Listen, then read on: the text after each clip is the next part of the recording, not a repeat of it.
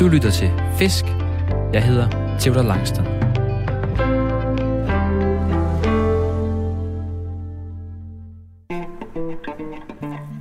Velkommen til programmet Fisk her på Radio 4. Et program, hvor jeg hver uge bevæger mig ud i den danske natur og forsøger at fange nye fisk eller fiske på nye måder for at blive en dygtigere lystfisker. I dag der skal vi ikke fiske. I stedet for så bliver jeg her i studiet og ser tilbage på nogle af de oplevelser, jeg har haft det seneste år med fiskestangen i hånden.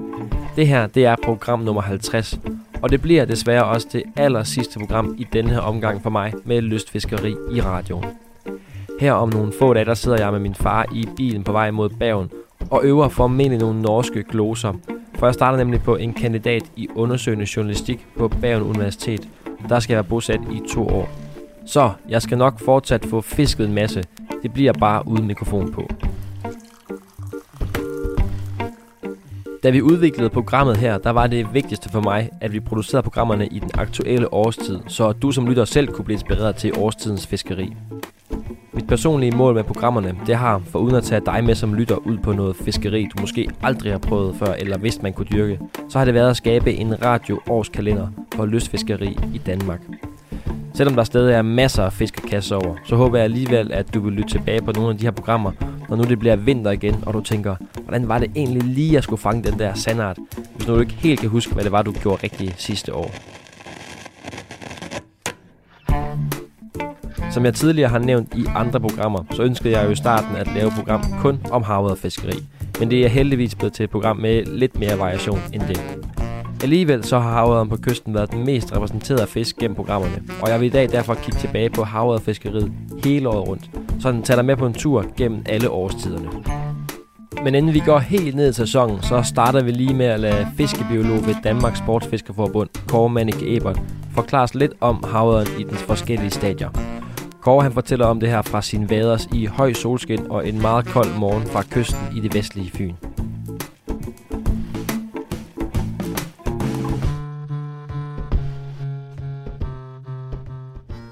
Nå, men Kåre, skal vi ikke snakke om det? Øh, de fisk, vi fanger herude nu, hvad er det for nogle fisk, vi kan fange? Uh, Udover det havet selvfølgelig, det ved du godt, Theodor. Jamen, vi, jamen, vi snakker uh, om, altså, hvad for nogle, hvad for nogle type haver? Det var en vits. Det var oh, en dårlig okay. vits. Gammel, gammel humor. det er. Ja, nej, det er, det er fisk, havredder, der trak ud fra vandløbene her i foråret, mm. i marts, april, maj. Ja. Uh, når de trækker ud, hedder det smolt. Mm. Og det er en lille blank fisk på 15 cm. Som er født i vandløbet? Ja, eller født på Elsesminde eller på et klækkeri, og så sat ud mm. sidst ud nederst i vandløbet. Men altså i hvert fald øh, vilde, vilde ører eller fisk, der sat, bliver sat ud. Og de hedder smolt på det tidspunkt. Når de så kommer ud på kysten, så kalder man det for postsmolt øh, i fagterminologi. Ja. Det betyder, at det er en smolt i efter, efter smoltfasen. Fordi nu er det egentlig blevet reelt blevet til en havør, og nu er det blevet en rigtig fisk, der lever ude i saltvand. Den er blank og fin, og den begynder at tage føde til sig og kan svømme stærkt osv. Det kan smolten ikke. Så man siger egentlig, at det første halvår hedder det en posmolt. Ja. Men blandt almindelige løsfiskere, der bliver de her blanke fisk kaldt for grønlændere. Og det kommer jo egentlig af en fiskehandler op i Aalborg, der for rigtig, rigtig mange år siden solgte, solgte små blanke ører øh, i vinduet, øh, eller jeg solgte dem i sin fiskebutik, og de kom fra Grønland, så de hed grønlændere. Og når man så gik ud i Limfjorden og fangede de her små blanke fisk, så kaldte man dem også for grønlændere. Hey, det er og det er altså et, et dansk udtryk, som så bliver brugt også nu på øh, både på svensk og på norsk og på tysk. Så det er, det er lidt Det er fiskehandler, der har startet det. Ja, det er en fiskehandler og nogle løsfiskere, der så fanger nogle fisk, der mindet om det. Ej, hvor er det sjovt kan passe på ikke snuble her, når vi går ned igennem. Der er ja, så, så det er så grønlænder. Det er grønlænder. Og ja. den, hvor stor kan den være? Eller jamen hvor lang den, tid hedder den grønlænder? Jamen den er jo grønlænder fra, den er 15 cm, og faktisk indtil den har gydt første gang. Okay. Øh, og rigtig mange danske havørder, de gyder, når de har været halvandet år i havet. Det vil sige, de er omkring de der 40, ej undskyld, 45-55 cm. Sådan en god kilos fisk. Mm. Det er måske halvdelen af alle fisk, der gør det. Øh, nogle de gyder faktisk allerede, allerede efter et halvt år og så er de ikke mere end 30 cm store. Men så er der også nogen, der gyder efter to et halvt år, og det er jo de der kanonflotte fisk på 3, 4, 5 kilo, som vi også kan fange på kysten. Det er princippet også grønlænder, indtil de har gydt. Og så er der de der store fisk fra Karbo og andre store vandløb, som gyder, først gyder efter fire år i havet, og de kan veje over 10 kilo. Og det er også en Og grønlænder. det er i princippet også en grønlænder. Okay, Men dem begynder man så at kalde noget andet. Dem begynder man så at kalde for blankfisk. blankfisk. Der er så også nogen, der kalder dem for overspringere. Og ja, det, det er den og næste det, fisk. Det er nemlig forkert, fordi en overspringer, det er en fisk, der har været op at gyde, Mm. og som så springer en gydning over. Og, og hvorfor gør de så det? Jo, man tror, at det skyldes nu for eksempel en fisk i Karbog, som kommer op allerede i april måned. En fisk på 8 kilo for eksempel. Ja. Den er i Karbog indtil november, december, januar, hvor den så gyder. Mm. Og så bliver den i åen, indtil det bliver marts måned, så trækker den ud. Det vil sige, at den har været et helt år i ferskvand, uden at tage føde til sig. Og den her fisk her, den var før 8 kilo, nu, nu vejer den kun 5 kilo. Det vil sige, at nu skal den ud og have taget 5 kilo på, eller 3 kilo på, Mm. plus den skal producere kønsprodukter. Og det kan den så ikke nå på den der korte tid. Den vil Mm. egentlig gerne tilbage op i åen i maj, juni måned, og kæmpe de andre store fisk. Ikke også? Så Ja, så den den, vil, den vil blive det. ude. den Og- bliver så ude. Og det er en overspringer. Det er en og overspringer. den kan vi være heldige at fange også. Det kan vi også, ja. Men vi kan jo også være heldige at fange en grønlænder, der er lige så stor som en overspringer, som bare ikke har gyt endnu. Okay. Okay. Så det er lidt forvirrende. Så definitionen for en løsfisker er, en grønlænder det er sådan en lille blank fisk op til omkring 50 cm. Og, det, øh, og sådan som jeg har forstået det og hørt det, det er, at grønlænder tit går i stimer, og overspringer går alene. Ja, men overspringer kan også godt gå i Okay. stimer, men der er bare få af dem jo. Ja, okay, på den måde. så, ja. Så har vi øh, ja, en almindelig, altså en farvet, en farvet havre. ja når, når en havre den bliver kønsmoden, og begynder at kønsmoden, og det kan de jo gøre allerede i, i juni, juli, august måned. Altså Jeg havde en fisk på i ja, i jul, nej, juli, midten af juli, den var helt flot næsten. Altså. Det kan også have været Flot en sådan såkaldt fjordøder, som måske lever i sådan et område som Vejlefjord eller Maja Fjord, hvor de faktisk er farvet hele tiden.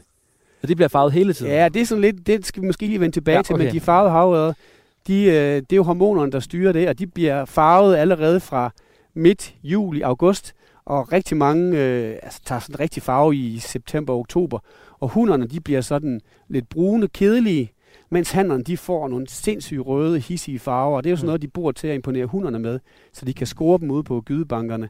Og hundernes, det er jo mere camouflagefarven. Og den farve, den fastholder de op i ferskvand, indtil de har gyt, og så begynder at tage føde til sig igen. I nogle vandløb, for eksempel Kolinsundkanalerne op på Djursland, der æder de skaller, øh, når de har gyt, og der bliver de faktisk blanke op i selve åen. Nå, Okay. Men typisk så bliver de først blanke, når de kommer ud på kysten igen. Og der kan de være nogle lange, magre hunde, som er blanke og har løse skæld, men de har altså ikke spiseværdi. Så hvis man fanger sådan en blank fisk, som er mager, så genudsæt den. Og det hedder nedfaldsfisk, når den kommer ud af åen igen. Lige præcis. Så har vi været igennem øh, fire slags fisk. Så har vi fjordøden. Ja, som er sådan en form, som det er jo ikke rigtig beskrevet videnskabeligt det her, men man kan se, når man måler på det, at der er nogle fisk, som bliver i Maria Fjord hele deres liv. Mm. Man har lavet mærkningsforsøg, og nogle de trækker sig ud og trækker langt væk. Og dem, der bliver oppe i Maria Fjord, de skal jo kamuflere sig lidt, som baggrunden er i Maria Fjord. Der er nogle ålegræsbælter, der er tang, og der er sådan lidt brun bund. Så der kan det godt betale sig, at kamuflagefarven bliver sådan lidt bækkeøjet Og de er faktisk sådan øh, lidt brunlige hele året rundt, og ligner en bækkeøret i virkeligheden. Og dem kalder man så for fjordører. De findes langs den jyske østkyst i flere områder, også sandsynligvis på Sjælland og omkring Bornholm. Men de, det er sådan typisk fisk, der bliver kystnært, og som lever af tanglopper og småtterier osv., som ikke bliver så store. Mens de store pelagiske, altså de blanke, som drøner rundt og bliver knokkelstore, som lever af sild og brisling og tobis, de bliver mere blanke og lakseagtige. Okay. Så det var Så er derfor. som er en lystfiskerterminologi, men som sandsynligvis findes i en eller anden form.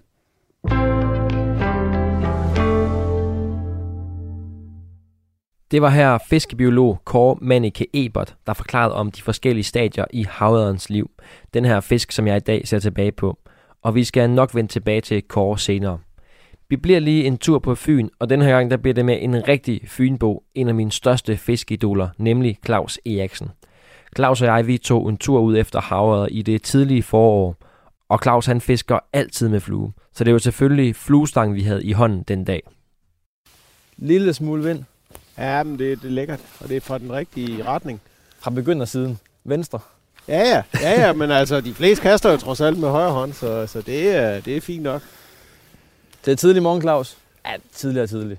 Ja, det er det jo ikke, det er jo halv ni. Halv ni. Altså, normalt har jeg jo fisket to timer på det tidspunkt her. men, men, øh, men vi har nok ikke så travlt, Nej. fordi at, øh, se her, der er jo rimfrost. Og, øh, og på vej herud så jeg lige et sted, der var is på vandet. Lige sådan en lille papirtønd Ja. ja. is fra i nat. Så, så det er koldt. Det er rigtig, rigtig ja, koldt. Ja, og, Og som man kan, som man kan høre på, øh, på dialekten, så er vi på Sydfyn. Ja. Det er det. Vi er nede ved Polleland, nede fra Snave, ja, i det sydfynske, i Helles, Hellesbugten. Det er det. Ja. 9 minusgrader, så er mit, øh, mit temperatur i, i morges. ja, det er, ikke, det er ikke fremmende for noget som helst fiskeri, Ej, ej. det må vi sige. Det er helt vildt. Rigtig nattefrost.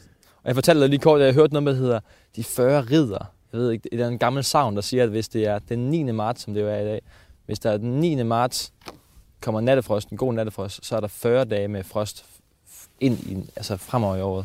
Jamen, det er så er vi jo hen til maj måned. Det, det magter jeg- det vil jeg slet ikke høre på. Det, det, det, det kan jeg altså ikke bruge.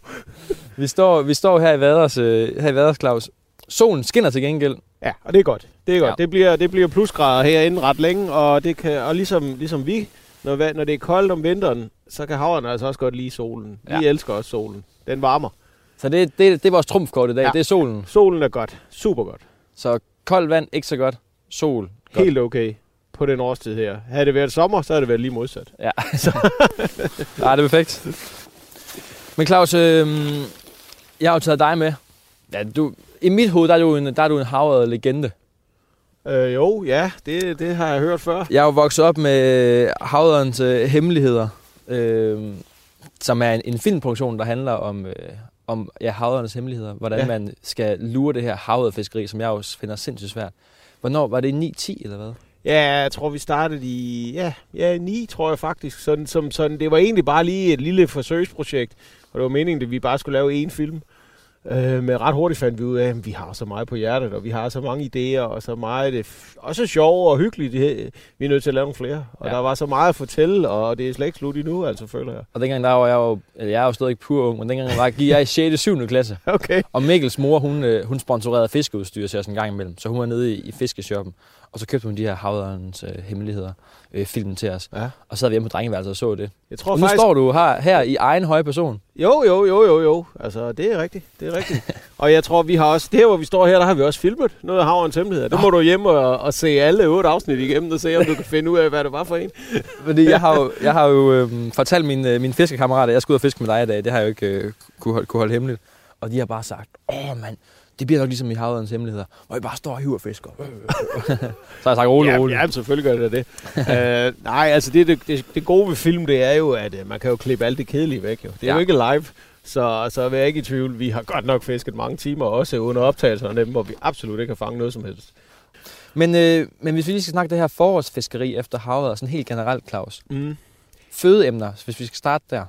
Ja, det, det handler om, at vandet er koldt, men det vand, der er varmest, det er det helt lave vand. Det kender man også, for det er sådan er det også om sommeren, når man er ude at bade, så kender man godt det her med, at man går ud i vandet og bader, når man så går ind på land igen, så lige det sidste stykke, inden man kravler op på land, der mærker man, hov, det her det er faktisk varmere, end, end det, der er lidt længere ude. Sådan er det også nu.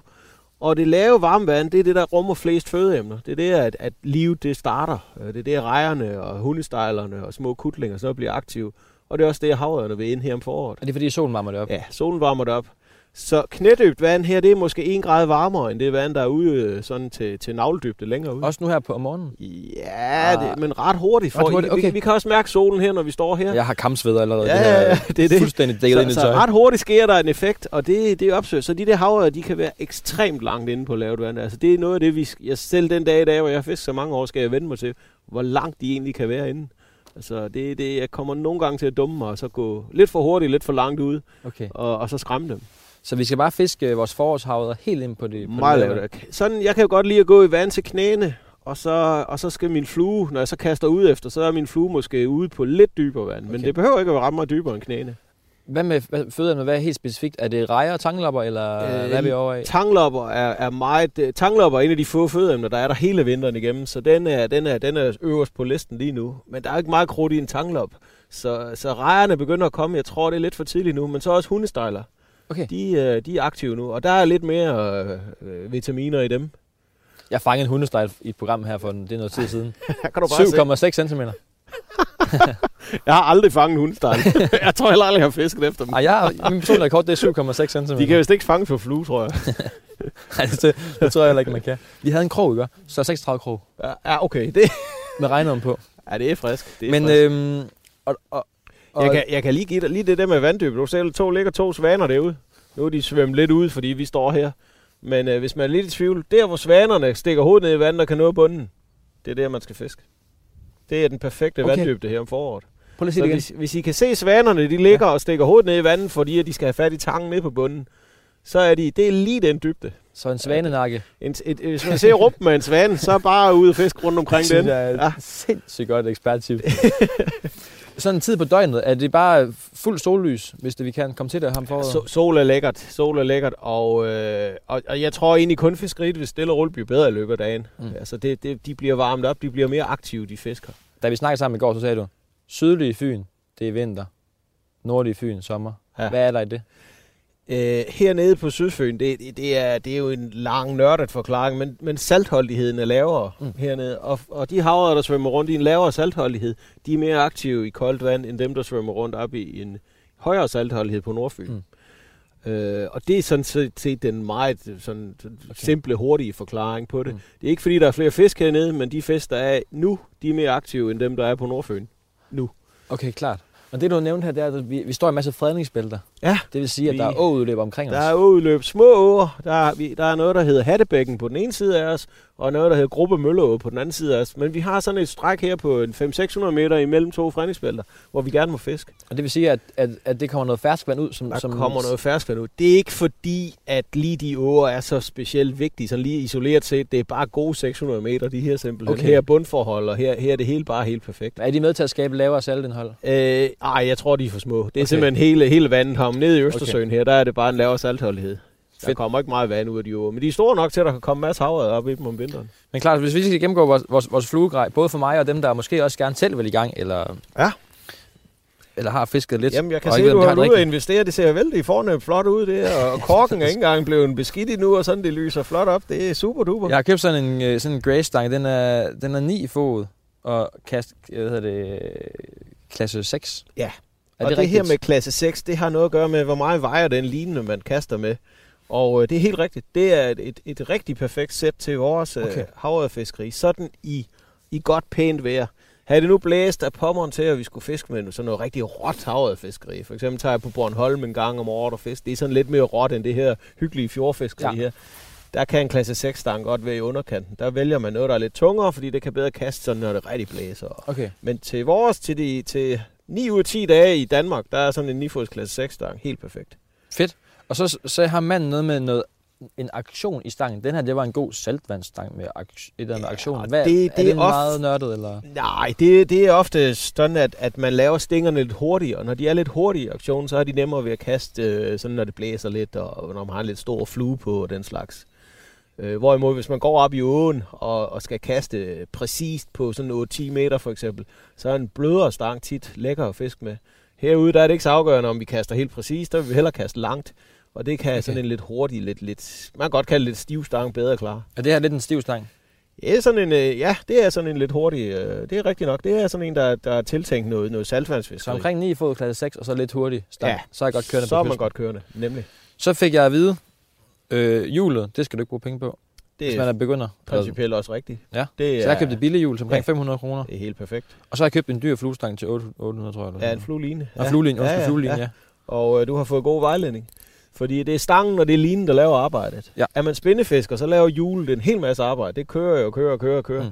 Og det, der, der kan man godt betale gode penge for hjulet og få noget ud af det. Men ved fluefiskeri, vi hiver linen og hjulet, når vi starter, og så Mm. ruller vi linen op, når vi tager hjem, sådan groft sagt. Ja. Så, så altså, det er helt rigtigt, men en line, den skal være i orden. Og jeg, det her, det er en flydline, du har fået på her. Jeg har flyttet på, ja. og, og det, er, jo det eneste rigtige til det lavvandsfiskeri, vi skal dyrke nu her.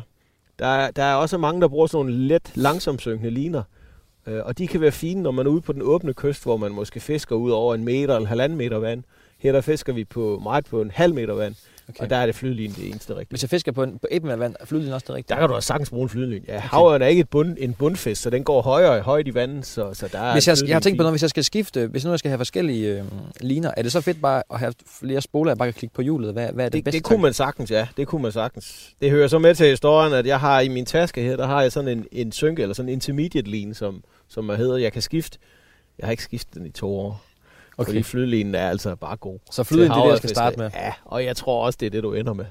Så, så til det havrefiskeri på kysten, vi har i, i rundt omkring Danmark, der er flydelin Mm. super. Så jeg købt det, der hedder en weight forward line. Og det er også helt rigtigt. Ej, kæft, Ja, ja, ja, ja. Det er bare helt perfekt. Uh, ja, Jeg kan ikke nævne, hvor jeg købte det henne, fordi så bliver der reklame i det. Men tak. God vejledning. Det er super duper. Men jeg, jeg var så heldig, da jeg gik der i 7. og 8. klasse, så min nabo, han solgte, han solgte hvad hedder det, øhm, øh, sejludstyr og sådan noget. Så han også prøvet at sælge fluer. Mm. Så han købte fra Unique Flies, de har meget fine fluer, synes jeg i hvert fald. Mm. Øh, sådan nogle 12 pakker. Ja, Med ja. mest kødfluer og også tørfluer. Ja. Og så fik jeg, for han ikke kunne sælge det, så fik jeg alle kasserne. okay. og der var, det ved ikke, om der har været 50 gange 12 fluer. Okay. Så jeg har, synes jeg selv, en rimelig velassorteret flue, Ja, ja, flueæske. Ja. Hvis vi lige skal prøve, nu har jeg taget den med her, bare lige for at gennemgå, hvad, hvad, der, hvad jeg kan bruge og ikke bruge, hvornår. Nu har jeg kun taget rejeafdelingen med, og, og, Ja, og, og, og, og, og tangloppeafdelingen med. Er der noget her, du tænker, der, Der ser, der ser er- godt ud? Der er masser af fine fluer her. Øhm, der er nogle, der er nogle, nogle børsteormsfluer. De er lidt store, og de kan godt være lidt træls at kaste med. 3-4 cm, Ja. og så har han hale på. Ja, og, og når de har suget noget vand, så bliver de ret tunge at kaste med. Okay. Og det er ikke noget problem, hvis vi går et sted, hvor der er lidt vind til at hjælpe os, men der er ikke ret meget vind til at hjælpe os i dag, så, så dem tror jeg ikke, vi skal bruge tid på. Okay. Men alle, alt, hvad der ligner her, rejer eller tanglopper, det, det, vil være, det vil være super fint. Nu Og- siger jeg, at tanglopper er et meget vigtigt fødeemne. Det er meget sjældent, at jeg fisker med tanglopper fluer. Okay. Og det hænger sammen med, at tanglopfluer, de er jo af god grund, de ligner tanglopper, det vil sige, at de er ikke ret store. Og de er uskyldige i farven, altså brune. Og ulempen ved det, det er, at fisken har svært ved at opdage dem. Jeg fisker gerne med større fluer med mere farve på, fordi jeg skal være sikker på, at fisken kan se min flue. Det er ligesom første krav for, at, man, Mm. at den hugger. Så, og heldigvis er havet ikke mere snedig, at, øh, at selvom de går og spiser tanglopper, hvis jeg så smider en lyserød rejeflue ud til dem, så synes de også, det er ret Okay. spændende. Ja. Øh, så tanglopfluer bruger jeg egentlig ikke ret tit, fordi de er små. Men, men rejefluer bruger jeg, fordi rejer er, kan jo tit være, være store. Nu piller du fat i en... Øh, er det pattegrisen? Det er en, en sådan en variant af en pattegris. Det her det er en, der hedder glimmerrej. Det er jo sådan en, der rigtig er, er power på farverne. Den er helt fuldstændig lyserød. Ja, Lille og så sådan noget flash på den. Den ligner sådan en helt lyserød Barbie, Barbie-duk. øh, eller noget fra Muppet Show. Men det skal man altså ikke være bange for. Og, øh, og lave sådan, det er jo en karikatur af en reje, det her. Det er jo Mm. ikke, ligner jo ikke specielt meget en reje i virkeligheden. Men det, det er de ikke så pjevset med. Men- Det vil de ikke have. det vil de gerne have. Men det vil de gerne have. Nå, Jo, jo, på den ja, måde. Ja, ja, de, de, de går ikke så meget op i... Sæt meget gerne en flue på, som I er sikre på. Den her kan de i hvert fald få øje på. Okay. Og jeg har faktisk sat en lidt, lidt flue på din forfang her Ja. ja. fra min egen æske. Nu vidste jeg ikke, du havde så mange fine her, men den er lidt speciel, fordi nu sagde du, at du havde været på Grønland og fiske. Der er faktisk bare sådan et par grønlandske skumfluer. Jeg har lige fire som sådan ja. ja. souvenirs, jeg har Ja, i ja. kassen, så jeg kan gå og tænke tilbage på den gang. Det er det. Sådan en skumflue her kan, kan faktisk godt fange en havred. Jeg har sat en rejeflue på, og den har også skum på ryggen. Ja. Men når du kaster den ud, så kan du ikke se den på overfladen. Den går lige under overfladen. Gør den det? Og fidusen med det der, at vi fisker på så lavt vand her, det nytter ikke noget, at fluerne synker ret meget, så de, skal være, de, de må gerne bare lige gå 10 cm under overfladen. Okay, sjovt. Og så kan du også, øh, du kan, du kan feste den hurtigt, du kan feste den langsomt, du kan lave et stop, uden den synker ned og sætter sig fast i bunden. Så den tror jeg lige, vi prøver at starte med, men der er masser af gode fluer i din egen æske her også.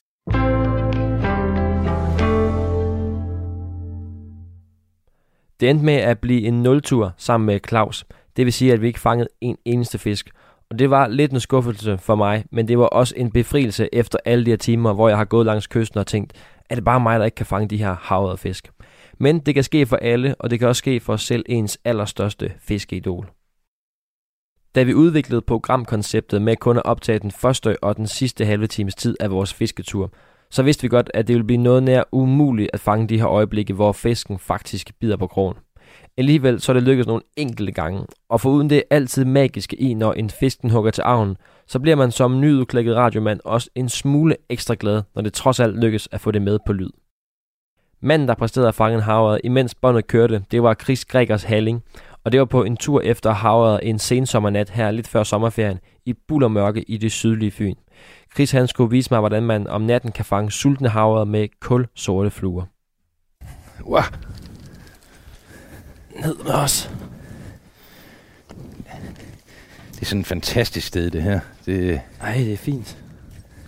det er jo lidt, lidt åagtigt, ikke også? Det er det i hvert fald. Vi er tilbage igen her på Radio 4 med programmet Fisk. Vi hedder Theo Langstrøm, og jeg står i dag her i... Ja, nu er det næsten blevet bullermørkt iført vader sammen med havørfisker Chris Gregers Halling.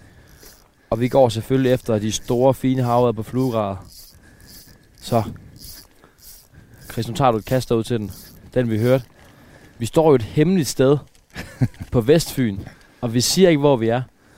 Og nu er vi skiftet plads fra, hvor vi startede. Vi fisker på sådan et sted, hvor der er masser af sådan små... Jeg kalder det indsø, du kalder det nord. Et ord, som ingen... Det, nord, det er sådan noget, ingen kender. Ja, Ordet nord, N-O-R. men der, men der findes jo mange af dem. Øh, og, Ja. og især nede ved Kærteminde, der ligger der jo et rigtig stort et. Men er Kærtinge Nord, ikke men det er sådan de her små indsøer, lidt små nord, vi, vi har gået og fisket i. Nu har vi bevæget os, skiftet plads. Vi fisker et helt smalt stræk. Vi, vi, kan du sige mere om det, uden at røbe for meget? Jamen, øh, det er klart, når der, når der kommer sådan nogle nord ind i landet, øh, så, så er de tit forbundet med noget, øh, sådan noget kanalagtig indgang. Øh, og, og, og det er så, kan man sige, det vi står og fisker i nu, det er den der indgang til det her nord, der ligger inde bagved. Og der var hørte vi plask. en havørt igen. Og det, er det sådan, jeg fornemmer, at det er sådan en backup-plan på, hvis det ikke lykkes noget et andet sted, så er det vores Jamen, det- backup-plan, det her. Du, du ved, det er ligesom, når man har været ude og, på det gule rev, det, det, det er den der skibberens sidste sikre plads, ikke? Det her. Nå, men Chris, det vi fisker for i dag, det er jo, det er jo havøren. Det er havørt. Og det er den der øh, sølvblanke. Og så hugget den. Nej, David! Ja, tak! Ej, hvor fedt! Og vi har ikke noget net med. Nej, nej, men det er Det klart, bruger vi er ikke. fint her. Så skal den bare på land. Hallo, mand. Nå, men ved du hvad? Ej, hvor fint. Og det er jo det, det er faktisk en rigtig fin fisk, det her. Og den plasker lige så stille derude i vandet. Det er en øh, fornuftig fisk, det her. Øj, den trækker godt i din stang, Chris. Ja, det er også øh, det, det er okay, det her. Det er ikke... Det er jo pænt over oh, mindste mål, den det er her. flot. Hallo, mand. Sådan. Nej, hvor er den flot. På land, den er stor. Det er en øh, fornuftig havørt, ja. Sådan, mand. Det er i hvert fald øh, et par kilo, det her. Nej, hvor er den stor. Se, det, nu, nu, nu bliver det natfiskeri, godt. Det bliver mørkt. Nej, den er flot. Den er helt farvet. Den er begyndende farvet allerede her. Nu tager jeg lige fat i halen på den her. Fantastisk fisk. Den vil du have med hjem, fornemmer jeg. Det øh, er planen med den her. Det er. Ej, hvor er den flot. Den er stor. Sådan. Så fik du en lige gok i hovedet. den ryster helt. Nu har jeg, jeg har fat i halen, man kan mærke den helt. Sidste Og- næver der. Og jeg så ved den på den her fisk, øh, og du kan se, vi hører den vende i overfladen derude, og så alligevel skal jeg hen og give den en, en 14-15 Du har kast, den inden 14 hugger. kast, ja. Og det er jo en, det er jo en flot fisk, det her. Det, hvad er den? Den er øh, over 50 eller hvad? Ja, det er den. Hvad stor er den? Det, jeg vil tro, den er en... Min rekord, det er jo 56. Er det det? Ah, hvad, hvad, så, så skal jeg være flink ved dig og sige, jeg tror, den her den er 54. Yes, og det er jeg glad for. Måske. Ej, hvor er den fin. Måske 55. Lad os lige kigge lidt på den. Vi snakkede om det med, at de er jo sølvblanke nu, Ja. havøderne, ikke? Ja. Det vil være helt sølv. Men Og- den her er så rimelig farvet, vil jeg sige. Det er den faktisk. Den har, den har fået øh, nogle, nogle øh, bronzefarvede kæber, øh, og har fået en lidt mørkere tone på, øh, på kroppen, og så er den ja. faktisk begyndt at blive lidt gullig på buen. Og det her, det er jo, det er jo sådan en fisk, øh, der, der vil gå op i vandløbet her til efteråret. Jeg kan allerede se, at den har endda begyndt at, at sætte en lille kæbekrog herude i snuden, så Ja, det, hvad- det, det er en handfisk. Den har nede ved... Øh, nu kan man godt trække i kæben på den, uden den napper mig her. Ja, ja.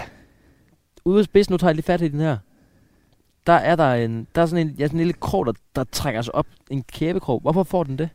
Jamen det gør handfiskene. Det er fordi, at de skal være, de, de er jo macho. De skal op i vandløbet, og de skal slås om de gode hunde og de gode, okay. øh, de gode gydebanker, som vi i Vandpleje Fyn har lagt ud til dem.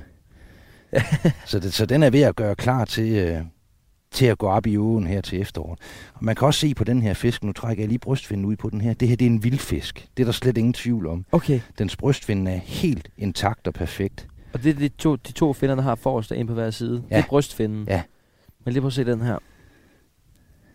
Ja, der er ikke nogen hakker i. Overhovedet Stort ikke. set ingenting, nej. Og den er, er Og det bred betyder, at det er en vild fisk. Og Det er den en er, fisk, simpelthen, den er vild. Den er kommet øh, som simpelthen som, øh, som vild yngel i et vandløb, den her, har, har jo så haft et godt liv indtil nu. Ej, hvor sejt.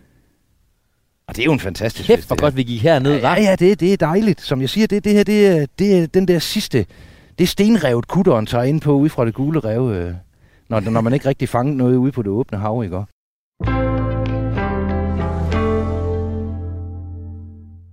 Som man kunne høre her i klippet, så havde vi ikke fået målebåndet med os, og det viser faktisk, at da vi kom op til bilen, og vi fik kørt målebåndet ud over fisken, så målte den over 60 cm. Så det var en ægte drømmefisk, der blev fanget den dag. Jeg kunne stadig godt tænke mig, at det var mig, der havde fået den her på krogen, men jeg må nok øve mig en lille smule mere.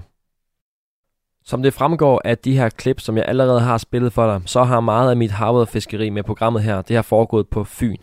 I det næste klip, der bevæger vi os dog en snært syd for Fyn, når vi skal en tur til Langeland sammen med Jack Schulz, der også har en klingende fynsk dialekt. Jack han introducerede mig til efterårsfiskeriet efter havet, hvor det gælder om at provokere fiskene til hugget.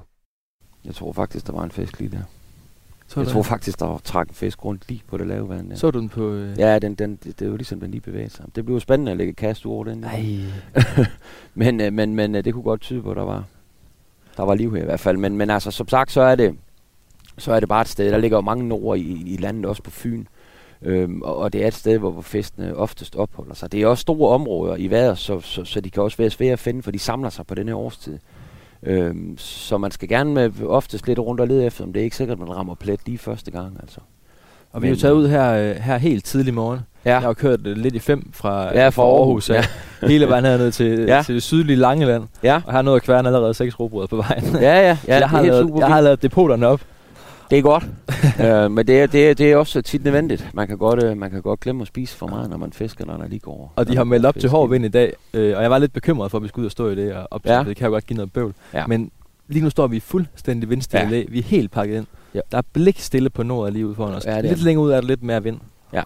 Vi har det lige i, ryggen, og vi står lige i sådan en hul, så der, er- der er godt læge her. Næsten for meget læge. Ja, vi kunne da have haft lidt mere bølge på. Ja, hvordan er det med, med, med, med overflade og, og havet fiskeri? Det har jeg tænkt på. Jamen altså, det her, det her helt blanke vand, det er ikke... Øhm, det er ikke det er ikke super godt. Altså haverne er mere sky, og de lurer mere, altså de lurer hurtigere bedragende. Mm. Mm. Altså vi fisker oftest, men noget, noget af det, der jeg synes, der fisker bedst, det er blink og flue, som faktisk slet ikke ligner øhm, det, de går og spiser. Og der kan man sige, der, der, der gør det altså ikke noget, der er bølgerne lige ude i vandet. Så hugger de bedre, og de, de er ikke så forsigtige. Så nu vand her vil man typisk have nogle følger og meget forsigtige fisk, som Okay. ligesom mere nysgerrige, end de egentlig er hugvillige.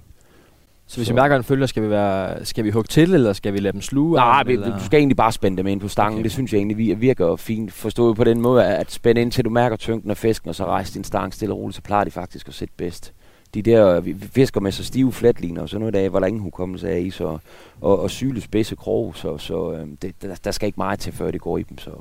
Og de fisk, der går herind, er de også, kan vi heldige at fange en stor fisk? Eller er Ja, det, det kan vi sagtens. det kan vi sagtens. Ja, sagtens og sagtens, men altså... Der går er- store fisk. Ja, jeg har taget øh, anstændige fisk han helt sikkert. Det har jeg i hvert fald. Så øh, der er også mange små, og, og det skal der også være, fordi det er jo ligesom det, der skaber generationerne fremover, kan man sige. Men vi kan sagtens risikere at ramme en, øh, en god fisk. Ja, jeg synes, det er sindssygt svært at fange havet. Jeg har begyndt på det, og, og begyndt at dyrke havet rigtig meget. Ja, Og jeg har ikke taget en havet siden, øh, ja, det var her i sommeren, her i slut august. ja. Så nu tror jeg, det er... Ja, men jeg tror ikke... Øh, at fange havørn er faktisk ikke det sværeste. Det er svært at finde den. Det, det er faktisk ja. det, hvad kan man sige, kunsten er. Og det hårdt arbejde, som, som mig, der har havrefiskeri. Det er altså hårdt arbejde. Ja. Øhm, hvis, hvis de først er det, og de vil, så er det faktisk ikke nogen kunst at fange dem. Så skal de nok hugge de navn. Men, men det er det med at finde steder, hvor de er. Der, er- der er jo, når man går over ved kysten, det er jo en kæmpe udfordring for mange mennesker, fordi der er langt til den anden bred, og der er rigtig meget vand.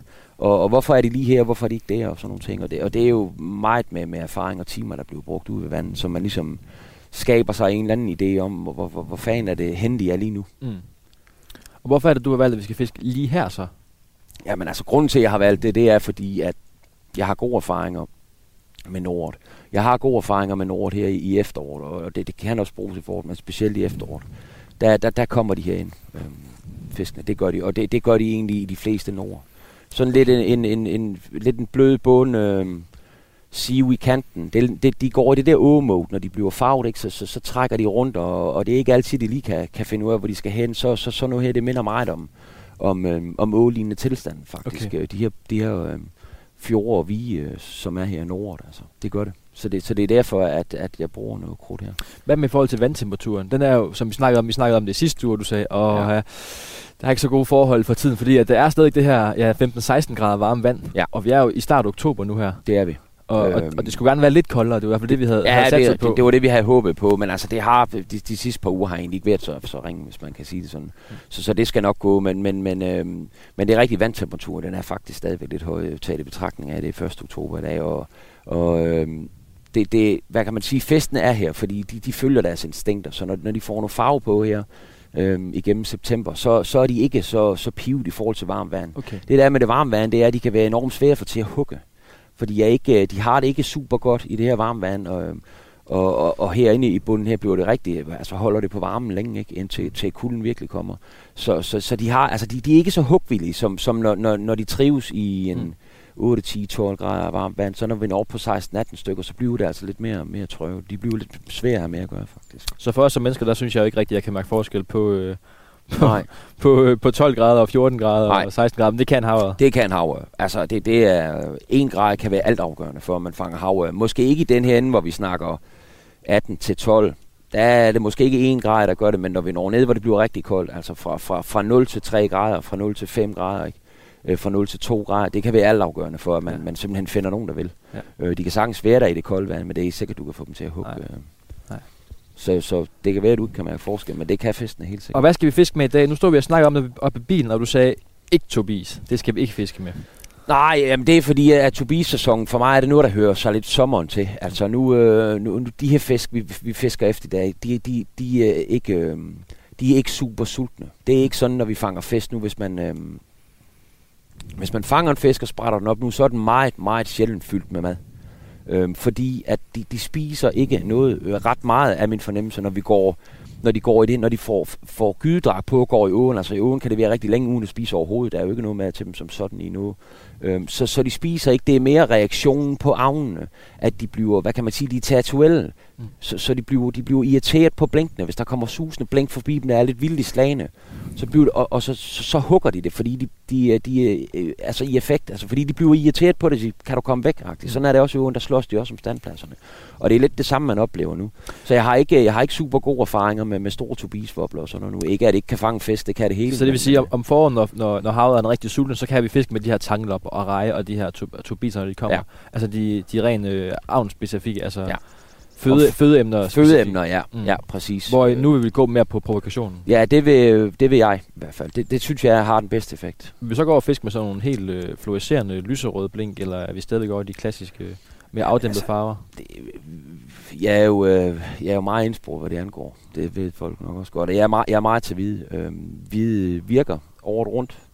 Og, øh, og de kan se det. For mig er det vigtigt, at, øh, at jeg kan se mit blink. Hvis jeg, jeg, vil, ikke- jeg vil ikke fiske med et blink, jeg ikke kan se, når det kommer ind til mig. Nej. Fordi jeg vil have havren, skal jeg kunne se det. Og sådan en mørk bund, som vi har her, et hvidt blink, du kaster både langt ned langs sivene og langt ud. Det kan de se rigtig, især sådan en stille dag, rigtig, rigtig langt væk.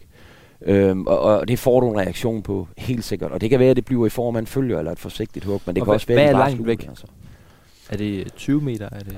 Ja, det, det er jo fandme svært at sige. Man har jo set fisk rejse sig i hvert fald 10 meter fra et blink og, og jagte det, og så hugge det. Ja. Så, så det er jo svært at sige, men, men, men jeg vil være sikker på, når jeg fisker et stykke af, at de har set min navn. Så jeg vil ikke, altså man, jeg, jeg synes ikke, man skal kamuflere sin navn. Altså kutlinger, tobiser, alt hvad der lever, de, er- de er jo nederst i fødekæden i forhold til havørn. De har jo, de ser ud, som de gør, fordi de skal gemme sig for havørn blandt andet. Mm.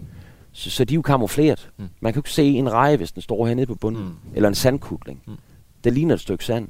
Så derfor har havren svært ved at fange dem. Så jeg har altid haft lidt svært ved at forstå, hvorfor, hvorfor jeg skal gøre det svært for havren at finde mit navn, i stedet for at gøre det nemt. Altså det er i hvert fald Ja. min tankegang omkring det. Øhm, så, så jeg vil helst ikke finde med noget, øh, fisk med noget, der er for naturtro, hvis jeg skal være helt ærlig. Jeg, jeg synes ikke, det har så god effekt, som noget, der ikke har.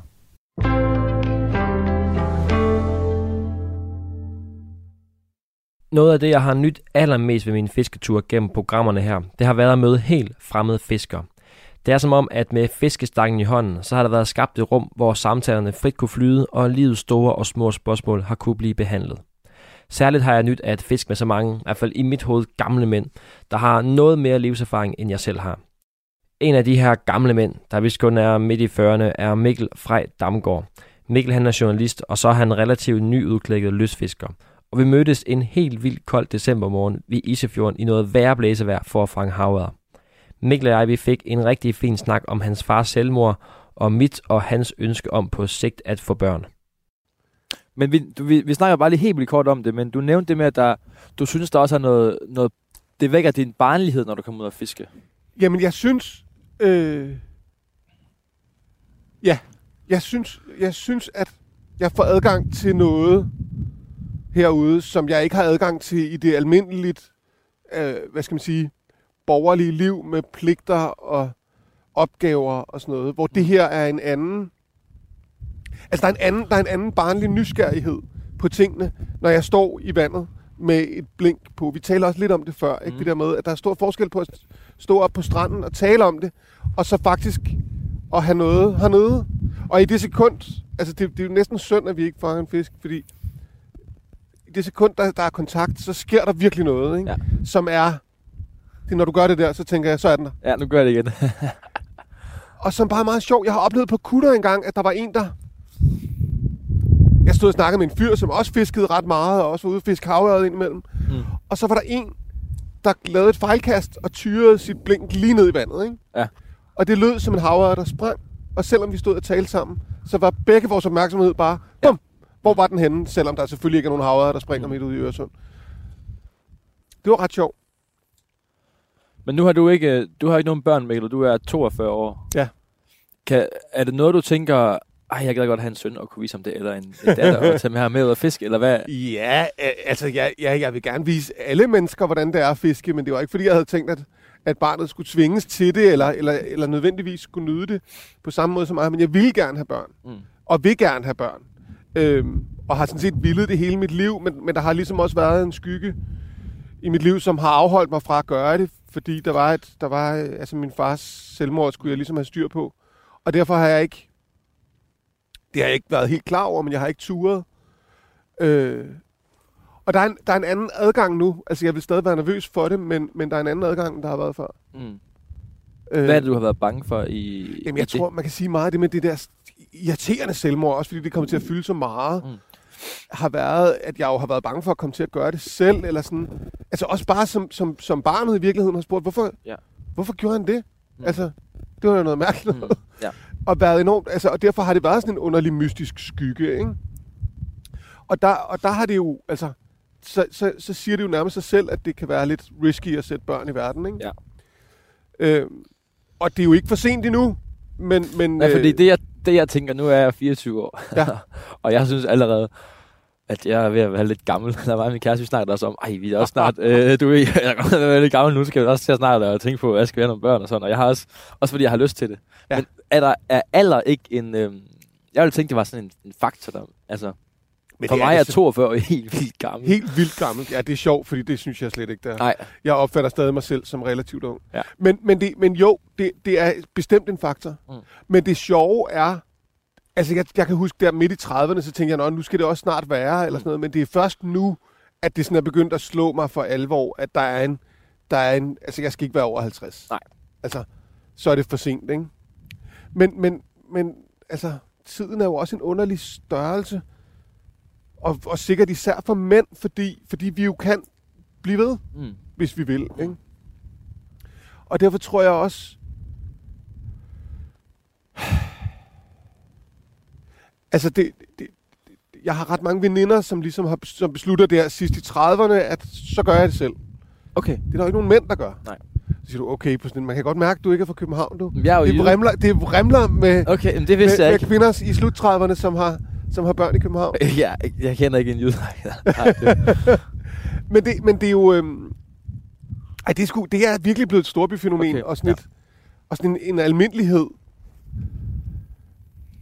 Men kan du ikke... Altså, altså jeg, synes, jeg synes nogle gange, det kan være... Øhm, de dage, hvor jeg tænker, ej, jeg er træt af min kæreste, det er meget få dage, men hvis du følger mig den, men så sådan, ej, ha, så kan jeg slet ikke overskue, så jeg skulle gå fra hende, eller, og så skal jeg finde en ny, eller, Ej, du ved sådan, der, der er jo lang vej, altså det er ikke for at sige, at det er ikke for at male noget på din væg, men du ved sådan, jeg tænker bare, puh, allerede, jeg er som 24 år, lidt sådan, jeg synes, puh, der er ikke lang tid til, men, Nej. men du skal både finde en kæreste og finde barn, og sådan, Ja. Altså man kan sige, det, det, der, hvor jeg, der hvor jeg har opdaget det mest, det er, at jeg har en, en, en stor gruppe virkelig gode venner, som jeg ser fodbold med, Mm. øh, og dyrker det sådan ret intenst med. Ja. Og de har store børn, Okay. altså som bliver studenter og Ja. sådan noget nu, og der kan jeg mærke, at jeg bliver sindssygt misundelig, eller sådan... Men det er jo, men det er jo altså... Mit liv har artet sig på en måde, hvor, jeg ikke har, hvor det ikke rigtig har kunne lade sig gøre. Mm. Så, der, så det kan ikke rigtig nytte noget at ærge sig nej. over det. Eller sådan. Så må man ligesom sige, sådan, nu, nu, nu er der måske en mulighed for det. Ikke? Jeg er i hvert fald ikke bange for det, som jeg har været før. Mm. Og så må det jo ligesom blive, som det nu engang bliver. Ja. Altså, jeg vidste ikke, at jeg skulle fiske for et år siden. Nej. Så på den måde kan livet fandme Men det, jeg sådan hører dig sige, øh, gennem det, vi snakker om, det er, at, at du ligesom... Øh, du har ligesom taget fat i din fars selvmord. Altså, du mm. har taget ved rode, kan man sige. Du har taget fat der, hvor det gjorde mest ondt, og bearbejdet det, og det har været en lang proces. Men det har også gjort, at du ligesom har ved at belyse det her, har kunne øh, åbne op altså for dig selv. Altså, ingen tvivl om det, synes jeg. Har du, har du kunne overføre, tænker jeg, har du kunne overføre det til, øh, til andre dele af dit liv? Altså har du for eksempel kunne sige, mm, det, det med at tage noget ved rode, altså den erfaring med at tage noget ved rode, og at det åbner op for noget, har, har du kunne bruge det andre steder i dit liv? Giver det mening, Altså, hvad jeg, jeg tror, jeg om? tror, jeg tror at, at de ting, jeg har gjort, har jeg gjort lidt, lidt med samme iver i mit liv altid. Mm. Så på den måde har det været en del af det. Øh, men jeg tror også, at, at jeg har været meget usikker på, hvordan, hvordan livet er. Mm. Og, derfor, og derfor forsøgt at finde ud af det ved at belyse ting fra alle mulige sider. Mm. Altså, øh, for eksempel skulle lære alt om havet. Mm. Og altså, nu siger du det der med, at du kan tænke sådan i puh 24 og finde en ny kæreste og sådan noget. Altså, det er jo en meget... Det, det, det, er jo sådan en, det, det er jo en konkret overvejelse, men også en overvejelse, som kan gøre dig så udmattet, at du slet ikke gør noget. Ikke? Mm. Og det, som er sjovt, altså for eksempel med havre, nu er det december måned, ikke? Ja. og de er i virkeligheden fredet, de farvede fisk, fordi de er på vej Mm. ind i bunden af vin og skal op og gyde. Ikke? Og når de gør det, så skifter de farve. Det har Kåre sikkert fortalt dig. om, Ja, ja. Og det der med, at de får faste skæld og bliver meget slimede, så de kan svømme hen over Mm. altså meget lavt vand. Ikke? Og så kommer man sådan til at tænke, Gud, naturen har indrettet dem, så de på meget kort tid kan forandre sig radikalt, Ja. så de kan løse den opgave. Ja. Ikke? Og hvorfor kan man ikke... Altså, det kan man jo bare overføre til sig selv. Mm. Altså, så kan man sige, hvis du skal løse den opgave at få et barn, så må du løse den. Så må du forandre dig, så det kan lade sig gøre. Ja, Ikke? klar. Og det synes jeg, det, det synes jeg er en, det er på en eller anden måde en, en spændende måde at anskue det på, i stedet Mm. for at tænke, jeg er forkert, og, og jeg kan ikke, fordi jeg er forkert. Ikke? Der er det blevet muligt, det der med at tænke, jamen det kan da godt være, at jeg skulle til at få nogle faste skæld og blive lidt mørk, Ja, klart. så jeg kan svømme op Ja, i åen ja, ja. og finde den, den dejlige fru Foral, der står deroppe og venter. Ikke? Ja. Altså, der synes, jeg, der, synes jeg, der synes jeg, jeg kan se efter, efter hele den der proces med min far, at der er meget, der kan lade sig gøre, og meget mere, end jeg troede kunne lade sig gøre. Mm. Og der har første skridt været at kaste den der skygge til side. Jeg tager noget ved rode, ja.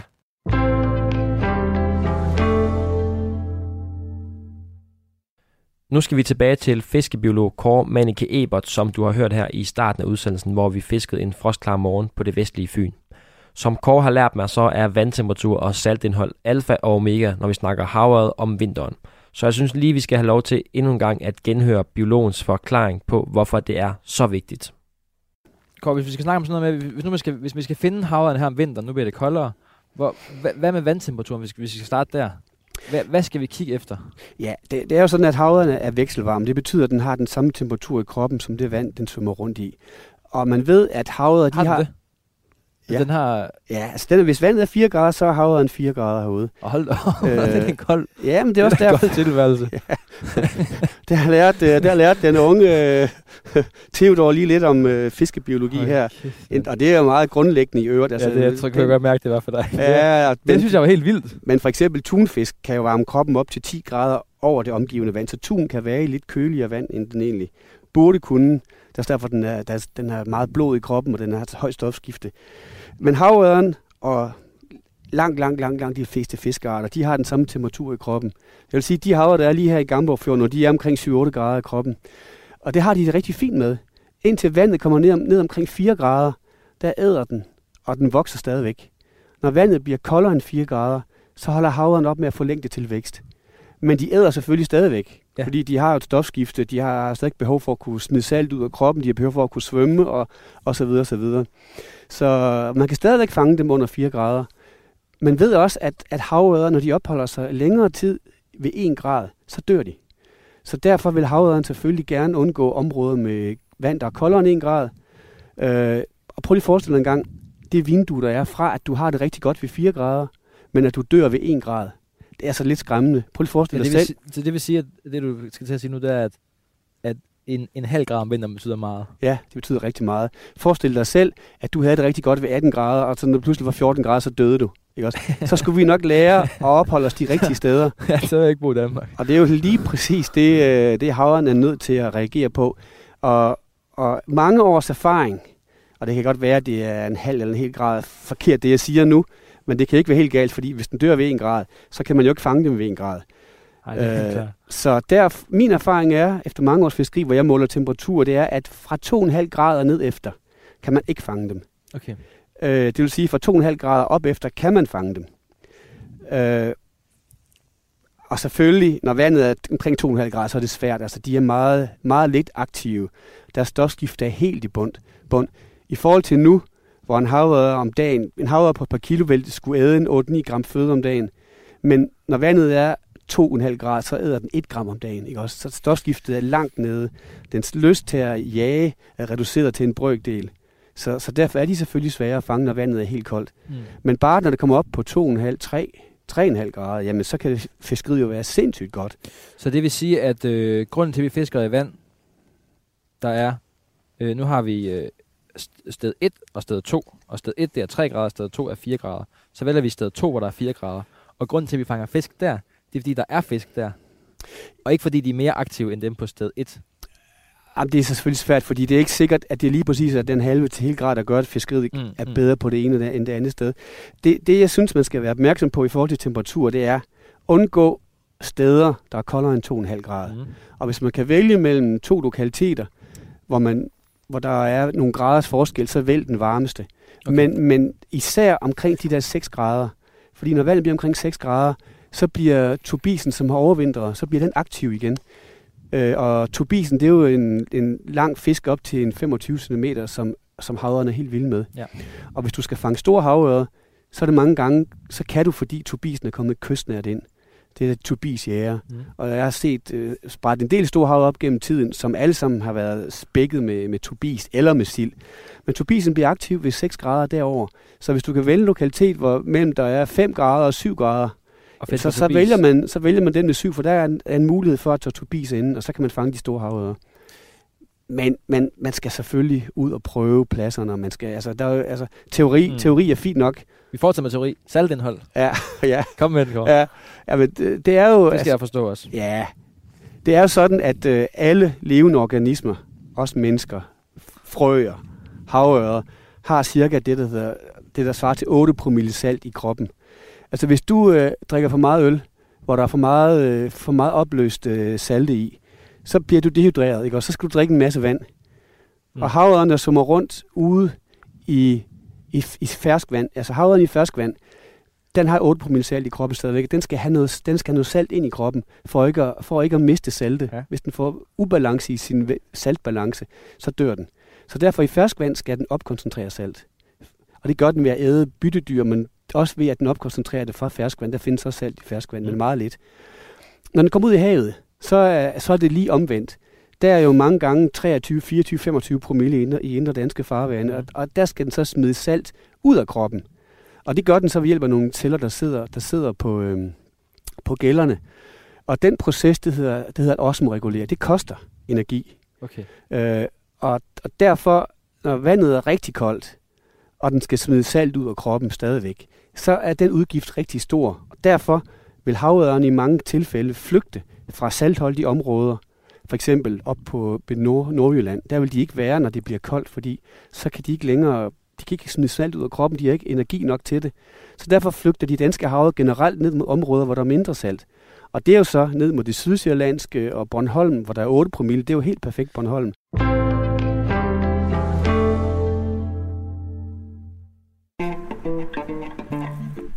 Det her, det var det sidste lydklip, jeg havde med til dig i dag, og derfor også det aller sidste for mig i den her omgang af programmet Fisk.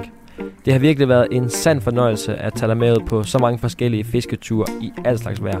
Og jeg er helt vildt taknemmelig og meget, meget glad for, at det lykkedes at tage mikrofonerne med ud i naturen og lave et radioprogram om lystfiskeri. Den største tak skal selvfølgelig lyde til dig, kære lytter. For uden dig, der var der selvfølgelig ikke noget radioprogram.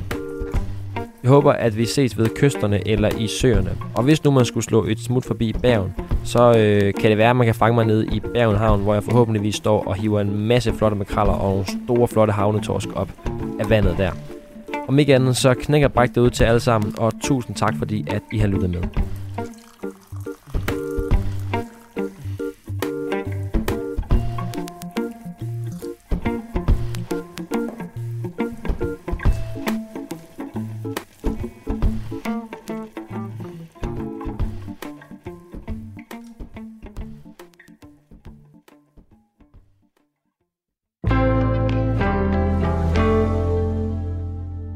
Du har lyttet til Fisk på Radio 4. Jeg hedder Theodor Langston.